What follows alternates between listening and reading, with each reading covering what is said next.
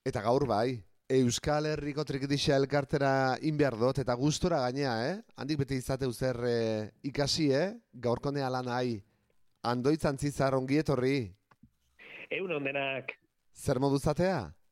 Ongi, ongi. Da, baldi kaskarragoa daukago, baina atarpean eoteko aukera baldin daukago, perfecto. Baina, bai, eixe. Eh, kanpoan dantza puska bat egiteko moduan ere azkar perotuko gineke. Behin dantzan hazitea egie da azkar berotzen dela bat, eh? Ez da babura litxarrik, horretarako. Egie da, egie da. Bueno, gaur... Eh... Ez dakit ba, beste laun bat, beste triketilari, pandero, jole, eh, delako gaur zer eh, erakutsiko diguzu? Bueno, gaur, e, soinuaren liburutegiko amaikagarren liburuarekin nator, bai.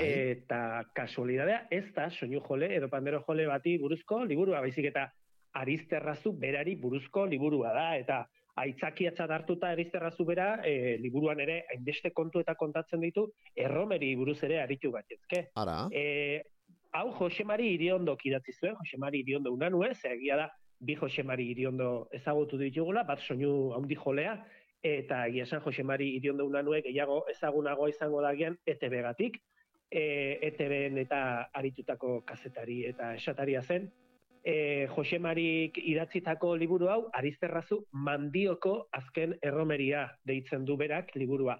Mandioa, ba, espaldin badakigu ere, nolabait esateko, gambara edo da, ez? Askotan izaten da, baserri askotan izaten zen, agian, ba, e, sarrera propioa zuen ba, solairu bat izaten zen, hau da, bai. etzen etxerako sarrera berdina zuena, baizik eta bestelako sarrera bat izaten zuen, e, etxe askotan behintzat, eta ba, arizterrazuk ere, arizterrazuk baserriak ere, ba, ala zeukan, kanpotik e, sartzeko e, beste sarrera bat. Mandio azkenean ganbara baldin bada, ba, imaginatu dezakegu, ba, baserri askotako ganbaretan eta, ba, sagarrak eta patatak eta belarrak edo izango zirela, ba, kasuntan ere ala izango ziren, baina erromeritarako eta libre edukitzen zuten sala haundi erraldoi bat izango zen. Arizterrazun izan ez bazerate, e, baserri haundi bat da, aizterrazu, eta iasan hango ganbara jendez beteta, jende ugari kabitzen den, baserri haundi bat da.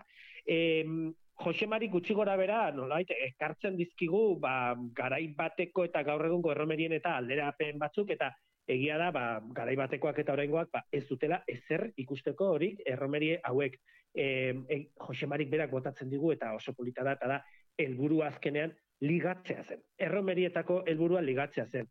Eta egia esan, gaur egun ere, zergatik ez ba, ez? Ba, dantzara joaten gera, eta, eta bueno, ba, ba, ba, ba, ba, gustatzen zaigu, ligatzea guri ere, zergatik, ez? Adin ezberdinetan eta berdin-berdin ibiltzen gara. Bai, e, hortik aurrera, bakoitzak ikusiko du zer eta noraino iritsi nahi duen. Baina, gara haietan bentsat, helburua ligatzen zuten eta eta horretarako antolatzen zituzten hainbeste erromeri. E, e, Jose Marik gutxi gora bera gerra aurretik eta ondoreneko desberdintasun bat egitu eta bai konturatu beharra gaudela gerra aurretik eta e, karreterak eta eta baita motordun e, makinak edo ez motoak eta kotxak eta ba ez zirela nolabaitekoak izango eta eta kokatu aldera erromeri hoietan eta nola egintzen ziren zenbat kilometro egin beharko zituzten oinez erromeri guneetara juteko zenbat ordu pasako ote zituzten igandeetan ba bezaren ondoren oinez abiatu erromeri guneetara erromerian ba hiru lau bat ordu egingo zituzten eta berriz ere buelta egin beharko zuten etxera. Hori e, ligatu ez zuenak claro e, ligatu zuenak ba asko ere ordu gehiago pasako bai zituen e, gero ipatuko dugun eskalaguntzeak eta bat eta beste ginez, eta bide luzeak egin barko zituzten hauek alde batera eta bestera, etxera iritsi aurretik. Aipatzen du Jose Marik, nola batzuk, iaia asteleen goizean lanera jun aurreko ordutxoetan eta iritsi, lokuluska eskar bat egin, eta ze astelen gogorrak izaten omen zituzten. Hau da, errepikatzen den historia bada, gaur egun ere astelena gogorrak izaten ditugu, batzuk eh, izaten dituzte ostegunak ere gogorrak, baina baina batzuk astelenekan izaten dira. E, ba, hori xe, ez, e, nolabait kokatzen dizkigu erromerietako bide luze horiek, eta eraberean ere, aipatzen du, eta hau oso polita iruditzen zait, eta gainera, errepikatu izan dugu, behin baina gehiotan, uin hauetan, eta da, nola, erromerien jatorria eta bereziki trikitixarena panderoan eta koplan zegoen. Bai. Berak hainbeste testigantza ematen ditu, egia da, em, testigantza baina gehiago mm, egunkarietako edo edo orduko garai haietako aldizkarietako eta e, zenbait aipamen egiten ditu, eta adibidez, ba, mila bat zireunda hogeita iruan argian aldizkarian argitaratutako e, dokumentutxo batek hartzen digu, eta hor aipatzen da nola e, bizkaian irauten duela e, panderoa eta koplak oraindik ere mila bederatzireunda hogeita iruan bizkaia aldean beti ere gipuzkoarekin mugan. Ba, oraindik ere, e, aipatu bezala duela egun urte, e, hain justu duela egun urte, emakumezko koplari, pandero joleak, oraindik figura importantea zen trikitixan. Mhm. Eta irauten zuen, hau da, neska bat, panderoa jo, eta kantatzen, kopla kantatzen. Bai. Noski, kopla horiek e, izango ziren zertolariak, hau da, e, pixka bat e, zirikatzaliak, eta eta oraindik bazeukan arrakasta duela egun urte. Baina, e, bueno, gero ere aipatzen ditu, eh, beste testigantza batzuk, ba, mila bederatzen da zein labaskoniak ere aipatzen duena amezketako e, beste e, koplari batzui buruz, e, landakanda eta iturbideren e, testigantzak ere ekartzen ditu. Landakanda berak ere esaten du, berak ezagutu zuela, azkoitiko otala buru baserriko joana izeneko emakume bat, ura bizkaitarra omen gara, eta arek e, bere etxean edo, edo inguruetan behintzat, e, pandero soilez, pandero eta kantatuz egiten zituen bere erromeriak. Beraz, e, erromerien jatorria eta trikitixaren jatorria nabarmena da, Mm, ba, panderoarekin lotuta dagola zuzenean, noski koplarekin eta ara emakumezkoarekin lotuta dagola. Ni orain arte, testigantza guztiak ekarri ditu gizonezkoak izan badira bai. ere, beti ere, hogei garren mendeko e, eta guri iritsi zaizkigun e, persona guzti hoien testigantzak ekarri ditugu, baina ez ez, e, benetan jatorrian emakumea dago trikitixan, eta aurten eta datorren urtetan eta tegitxel karteak eh, argitaratuko ditun liburuetan ere, ba testigantza hauek jasotzera goaz, eta bi emakumeri egingo dizkigu. Beraz, horiek aurrerago etorriko dira. Baina, ara, ara hor, nun iristen dan, soinu txikia, e, soinua bera, e, akordeoia iritsiko zen, handia eta txikia eta iritsiko ziren, eta era bat itzalean uzpendu panderoa e, eta emakumezkoa kasu hortan beti egia da aipatu behar dela, ba, ba, gerra bat egon zela Espainian, gerra horrek ere ekarri zuela katolizismo e, ortodoxorika ortodoxoena, eta horrek ere eragintzuela emakumea erabat baztertzea, eta e, ja aurretik e, nahiko bideratuta baldin bat zeukaten ba, emakumearen baztertze hori, ba, gerra ondorenean oraindik ere nabarmenagoa izan zen, eta soinu txikiarekin, eta gainera ba, ba, nazionalismo espainolarekin, ba, era bat itzalean gelditzen da, panderoa eta emakumea, baina soinu txikiak trikitixa hori mantendu egiten du, koplak mantendu egiten du, naiz eta gizonezkoaren figuran, figuran sartu. Ba, e, e, giro horretan eta egoera horretan, ba, aizterrazu eta mandioko azkena jartzen du berak, eta bada e, horrelako erromeriak gaur egun ja ez direla egiten, egia da aizterrazun ere mandioan ez dela egiten, pixka eta aurrerago e, esango dugu noiz edo egin zuten aldaketa hori, mandiotik kanpora eta zergatik, baina e, mandioko e, azkena bezala jartzen du berak, e, eta egia da, bestelako erromeriak eta nolabait, bestelako festen inguruan antolatzen direla, baina hau bada baserriarekin erabat lotuta dagoen e, erromeria, eta oraindik ere igandero mantendu egiten dena. Azkue familia da bertakoa, e, e, Jose Marik e, Jose Azkueren testigantzak jasotzen ditu, baina gero aurreragoaren nahi Juan Mari Azkuek ere protagonismo hartuko du, eta ba, arizterrazu, arizterrazu nun dago, ba, dago oriotik gertu, baina aiako lurretan, aiako San Pedro auzoan, e, oriotik gertu esaten dudanean, ba, aia e, gipuzkoan ezagutzen ez dutenak nolabait mendialdean dagoen erriska bada, erritxo bada, herri polit bat, baina hau, arizterrazu, e, baserria San Pedro auzoan dago, nolabait, e, peean, edo errekatik, horia ibaitik gertuago. E, orio herritik ere gertu xamar aiatik eta orio nolabait erdibidean eta uh -huh. e, auzotxo horretan San Pedro auzan dago Arizterrazu baserria jatetxea ere badauka eta eta hortxe giro horretan eta inguru horretan egiten ziren festak. Erromeria garai batean e, gazte beraiek antolatzen zituzten eta ba, esan dudana, ligatzeko aldin bazen egulburua, ba, azkenan helburu divertitzea zuten, divertitzeko gogoz izaten ziren gazteek antolatzen zuten eta horrela abiatu zen adizterrazu ere, bazter askotako erromeria asko bezala, eta gazteek, gazteak beraiek ziren, antolatzen zituztenak, soinu joleak beraiek kontratatzen zituztenak, eta soinu joleak kontratatu ez gaur egun ulertzen dugun bezala, baizik eta, ba, badakigu, hau ere aipatu izan baitugu, ba, erromerietan mutilei txartel bat jartzen zitzaiela paparrean, horratz batekin eta lotuta, e, ordaindu zutenaren eta gazte mutil hoiek e, bazuten baimena erromeri horretan dantzarako eta horrekin batera nahi zuten neska gonbidatzeko. Emakumezkoek ez zuten ordaintzen mutilezkoek edo gizonezkoek bakarrik ordaintzen zuten txartel horretatik. E, beroen paparrean edo beroen kolkoan eta jarritakoak.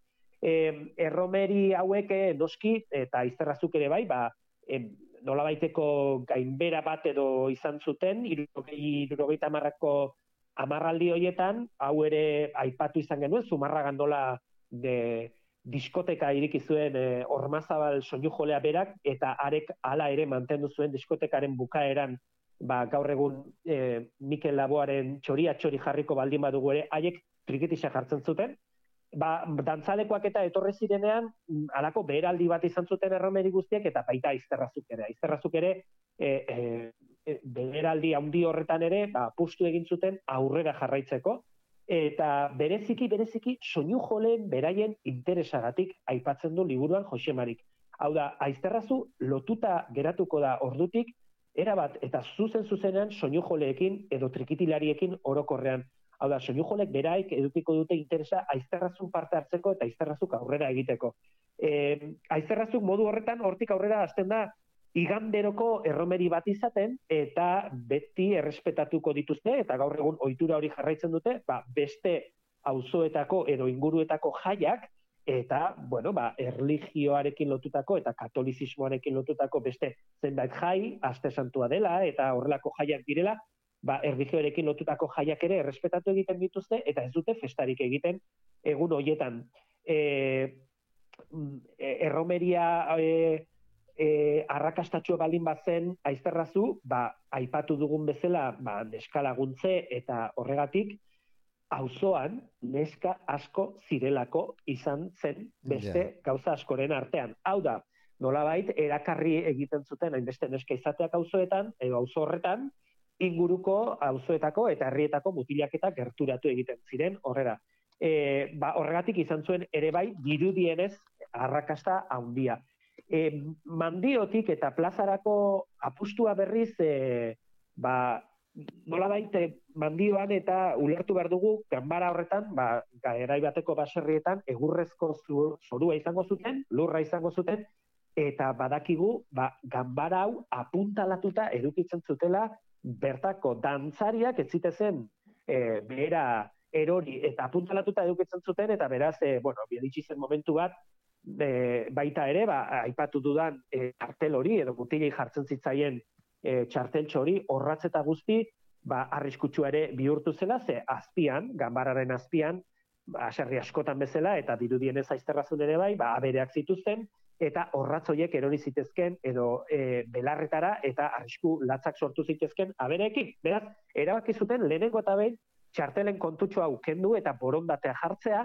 eta beraz jendeak e, bertaratzen zirenak borondatezko dirutxo bat utziko zuten eta dirutxo horrekin ordainduko zuten soinu jolea noski eta gamara apuntalatuta ibili zuten partetik bazkenan erabaki zuten kanporateratzea eta kanpoan baserriaren atarian egitea erromeria hori. Ara hor, nola baiteko, aizterrazuko bilakaera e, aizterrazuko kontu hauekin batera, ba, festa horiek antolatzeko eta nola ibiltzen ziren eta Josemarik aipatzen ditu, hainbeste hitz eta izen, eta gauza oso politak e, e, agertzen dira, eta bat da, mutilardoa.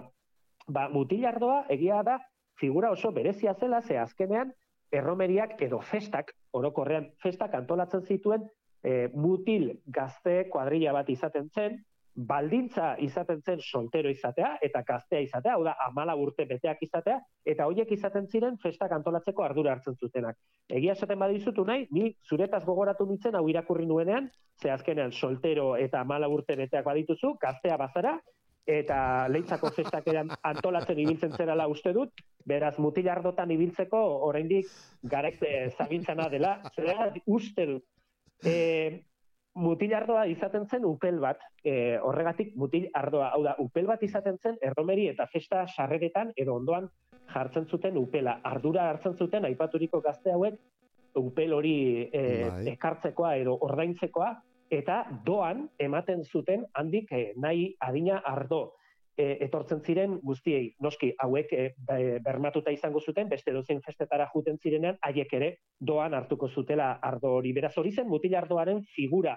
E, gauza politak e, agertzen dira, anekdota pila agertzen dira, mutil ardoaren inguruan, eta eta ni esaldi bat e, oso polita irutzu zaidana epelderena eta esaten du ez, e, nola ardotik, e, ardo edatetik, gero eta gutxiago behar, eta hala ere, gero eta trago handiagoak egiten mm.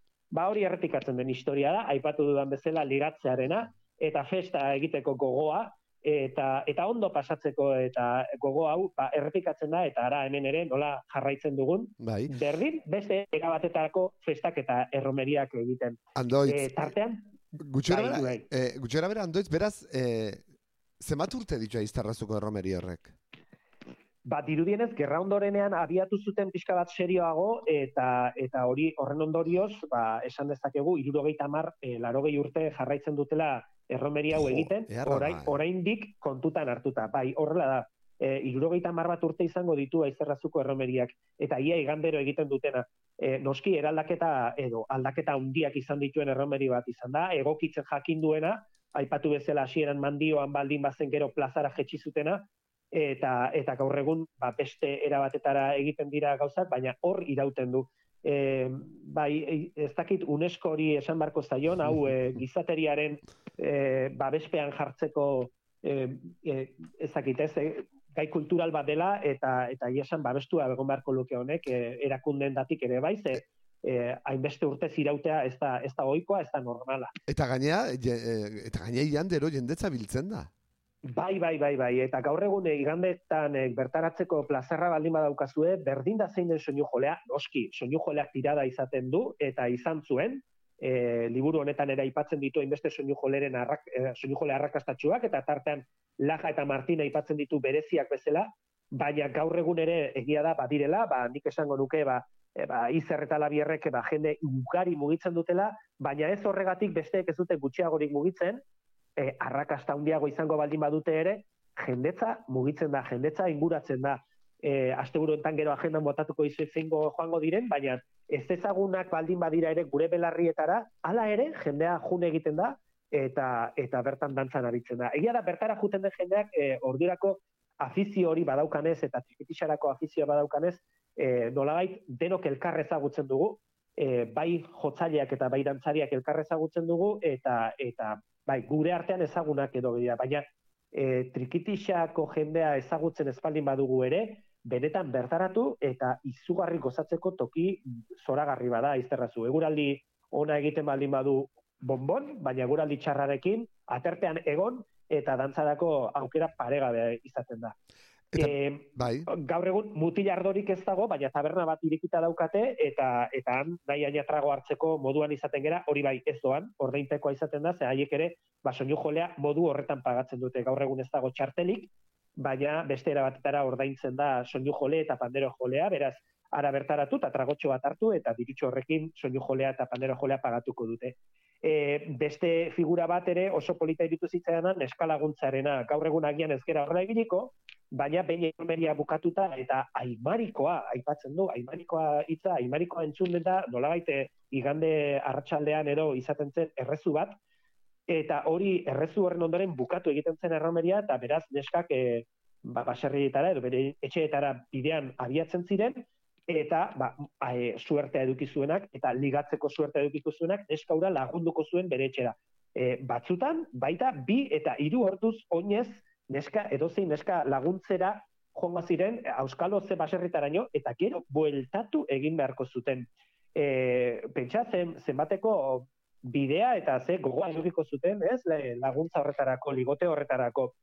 Eta bitartean, ba beste mutil batzuk geratuko ziren tabernan eta e, txakil ardoa izeneko figura bat ere aipatzen du Josemarik eta txakil ardoa azkenean da ba, neska lagundu duen mutil hori bueltatzen denean eta noiz bai bueltatzen denean, ba bestei ronda edo tragoa pagatuko diela edo txakilardoa pagatuko dietela. Eta noski, ba, mutilak e, bazterretan eta toki guztietan berdinak izan dira, nahiko e, ahoberoak, eta seguraski ba, guk iztari ez edo arrantzale ez esaten ditugun hainbeste konturekin, ba, seguraski hauek ere kontatuko zituzten zirenak, baina askoz gehiago, eta denak arrotuta ba, jarraituko zuten beraien parrandarekin txakilardoa edanez, edo txakilardoa ordainduta. Ba, figura politak, mutilardoa, txakilardoa, eskalaguntzeak, guzti hauek errepikatzen ziren erromeguri guztian, eta baizta aizterrazun ere. E, liburan hainbeste anekdota daude, hainbeste kontu daude aizterrazuri bertakoari, isunak, e, emateko baimenak, gerra ondorenean e, ba, auzoan bizi zen karlista baten e, kontuak ere bai, ba, nola ba, bat gustoko ez eta eta bera ba, na, karlista izaki gerra irabazleen bandokoa izaki ba, ba soinu joleari muturreko eman eta soinuak kenduak, e, ez dakit, ez hainbeste kontu kontatzen dira, eta egia esan, ba, bueno, erras eta divertigarri egiten den e, liburua da, eta eta erras irakurtzen diren anekdotatxoak dira e, tarte horretan ere, aipatzen du nola, mila bederatzen da, irurogeita bost, irurogei tarte horretan, bost urteko tarte horretan, ba, duela ja, ba, irurogei bat urte, e, jarri zutela aterpea. Ara, hor, atariko aterpea, gaur egun, e, bada aterpe kurioso eta berezi bat, aterpe e, plastikozko eta berde bat, eta iasan argitxoak eta pizten ditutzen eta neguan, eta ba, e, ba, alako xarma bat eta giro betetan polit bat sortzen duen aterpe bada, nik ez dakit orduan aterpe hau ordukoa izango den, baina egia da gaur egun aterpe horrek irauten duela eta baduela ba, bere grazia eta eta oso partikularra dela eta izterrazu gogoratzen digula nik horrelako aterpe plastikozko eta berde horiek ikusten ditudan oro. E, ba, e, horixe, inguru horretako kontu asko kontatzen ditu, eta tartean lajaren anekdota ere bai, lajak e, kasian horekin izan zituen anekdotatxoak ere bai, eta laja berak ere aipatzen du nola kasiano ba ba izugarri parrandazale eta eta festazalea zela eta festa hoietan eta ba berak ere erromeria ere egiten zuen edo jotzen zuen aizterrazun eta lajarekin koinziditzen baldin bazen ba bertan geratuko ziren lotan. Eta kasiano pentsazazue itxua izatearekin batera hala ere ze bizia zen beste inor baina gehiago ikusten zuela esaten du lajak eh kasia eh, bazuten e, beraien arteko jokutxo bat eta zen, ba, gauean lotarako sartu zirenean eta kasianoka argia itzali arazi, eta, bueno, laja gaipatzen du, mutur joka aritzen zirela, bueno, ez dakite zenbat izango zen horrela, baina egia da, laja aipatzen duena dela, e, nola kasianok esaten ziola lajari, e, esan bi hitz, eta bigarren hitza esan baina lehenago, lehenengo hitzarekin, ja kasiano kokatua zeukan laja bera, eta jata zaplasteko bat ematen omen zion, eta horrela jolasten omen zuten. Pentsa, ez? Ba, gazte jendeak e, divertitzeko eragit e, sortzen dituen jokuak, eta hau kasiano bere itxu izatearekin batera, ze abila zen bestelako kontuetan ere bai badirudi bertxotan ere oso oso abila zela kasiano, beraz, bueno, maitagarria, anekdota maitagarri pila bat. Mm. E, liburuan ere, aipatzen dira beste soinu jole, e, bueno, elgeta, saka, bigelatxo, tarrak, soinu handiak ere bertan izan du tokia, Manolo Jaben, kasiano bera, Isidro Larrañaga, baina hau soinuak ere, landa tarren gandik, landa familian gandik, hau soinuak ere, edo, edo harmonika edo, deitzen dugunak ere tokia izan du aizterrazu. Beraz, aizterrazu irikia da jende askorentzat eta gaur egun irikia jarraitzen du.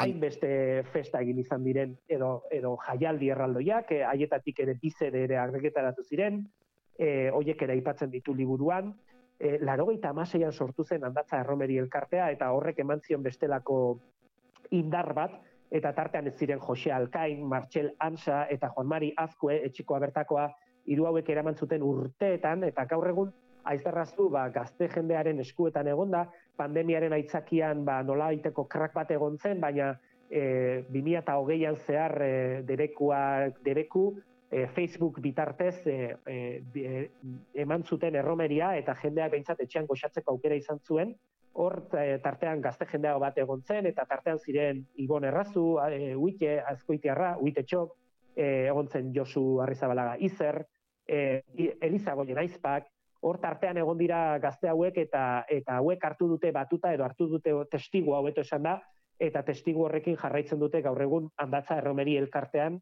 edo aizterrazu erromeri elkartean.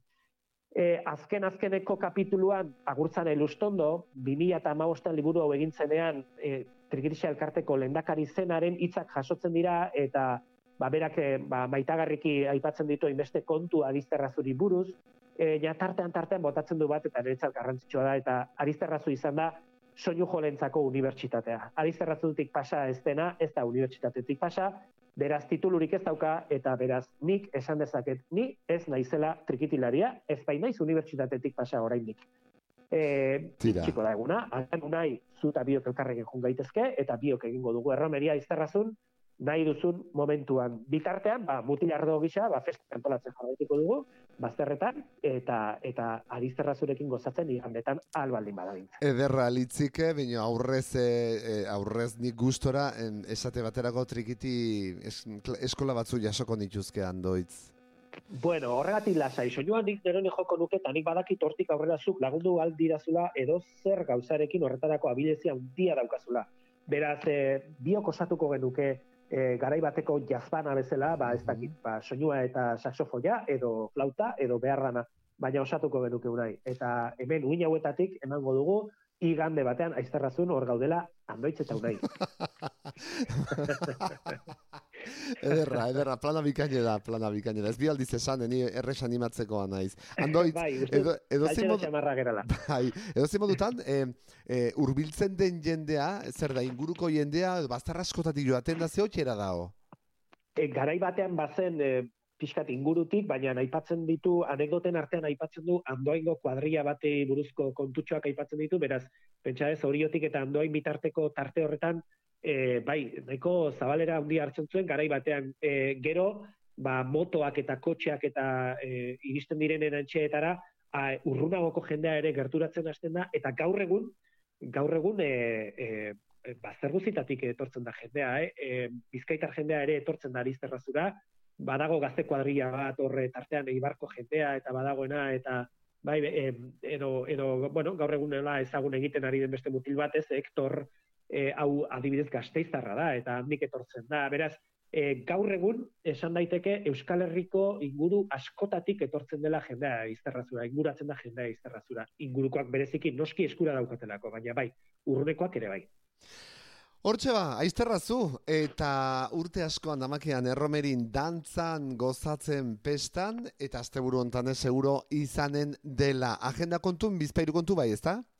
Bai, hori da, bi kontutxo, bi gauzatxo iritsi bai zaizkigu, eta, bueno, ba, biku kolaxe ematen dugu, e, beti aipatzen duguna, hau dira guri iritsi zaizkigunak, baina horrek ez du esan nahi, hau bakarrik dagoenik bazterretan. Baina, hori horrela, larun batarekin, alegia, bihar, itziarko ostalean, e, itziarko gainean dagoen ostalarretan, noiz behinka erromeriak edo afari erromeriak egiten dituzte, eta bihar tokatzen da. Beraz, bihar e, sortzietan jartze jarri digute guri, beraz, afari abiatu, eta ondoren erromeria izango dute ostalean bertan, eta bertan, Elizagoien aizpak, Nafarrak izango ditugu, e, afari hori girotzen, pentsatu nahi dute txartelak bertan izango dituztela salgai, itziarre ostalean bertan, beraz, e, bueno, e, interneteko aukerarik baldin badaukazue, edo nolabait bertako telefonoa lortzerik baldin badaukazue, bihar itziarko ostalean sortzitan afari abiatu, eta ondoren erromeria, Elizagoien aizpekin.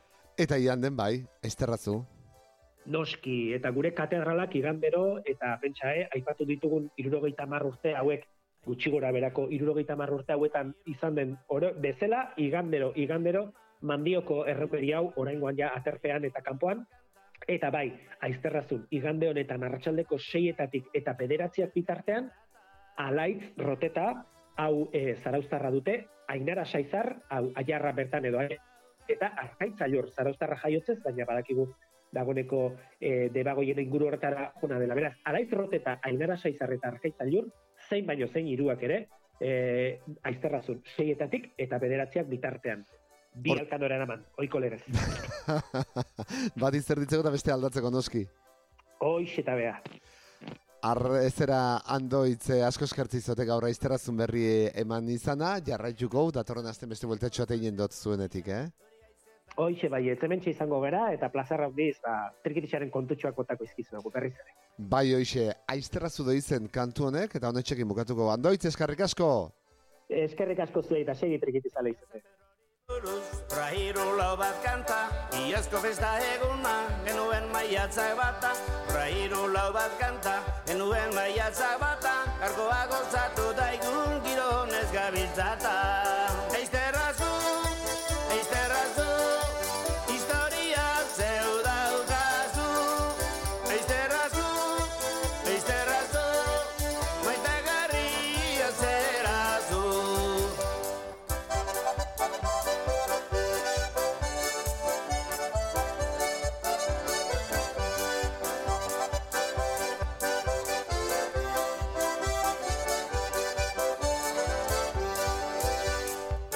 Bermatzeko bat egun, giro honare laguntza. Lengoan bat zentru moia, hori aitzetari zutza Giro honare laguntza, hori aitzetari zutza Aritzekoa ez alda, izen duen aldakuntza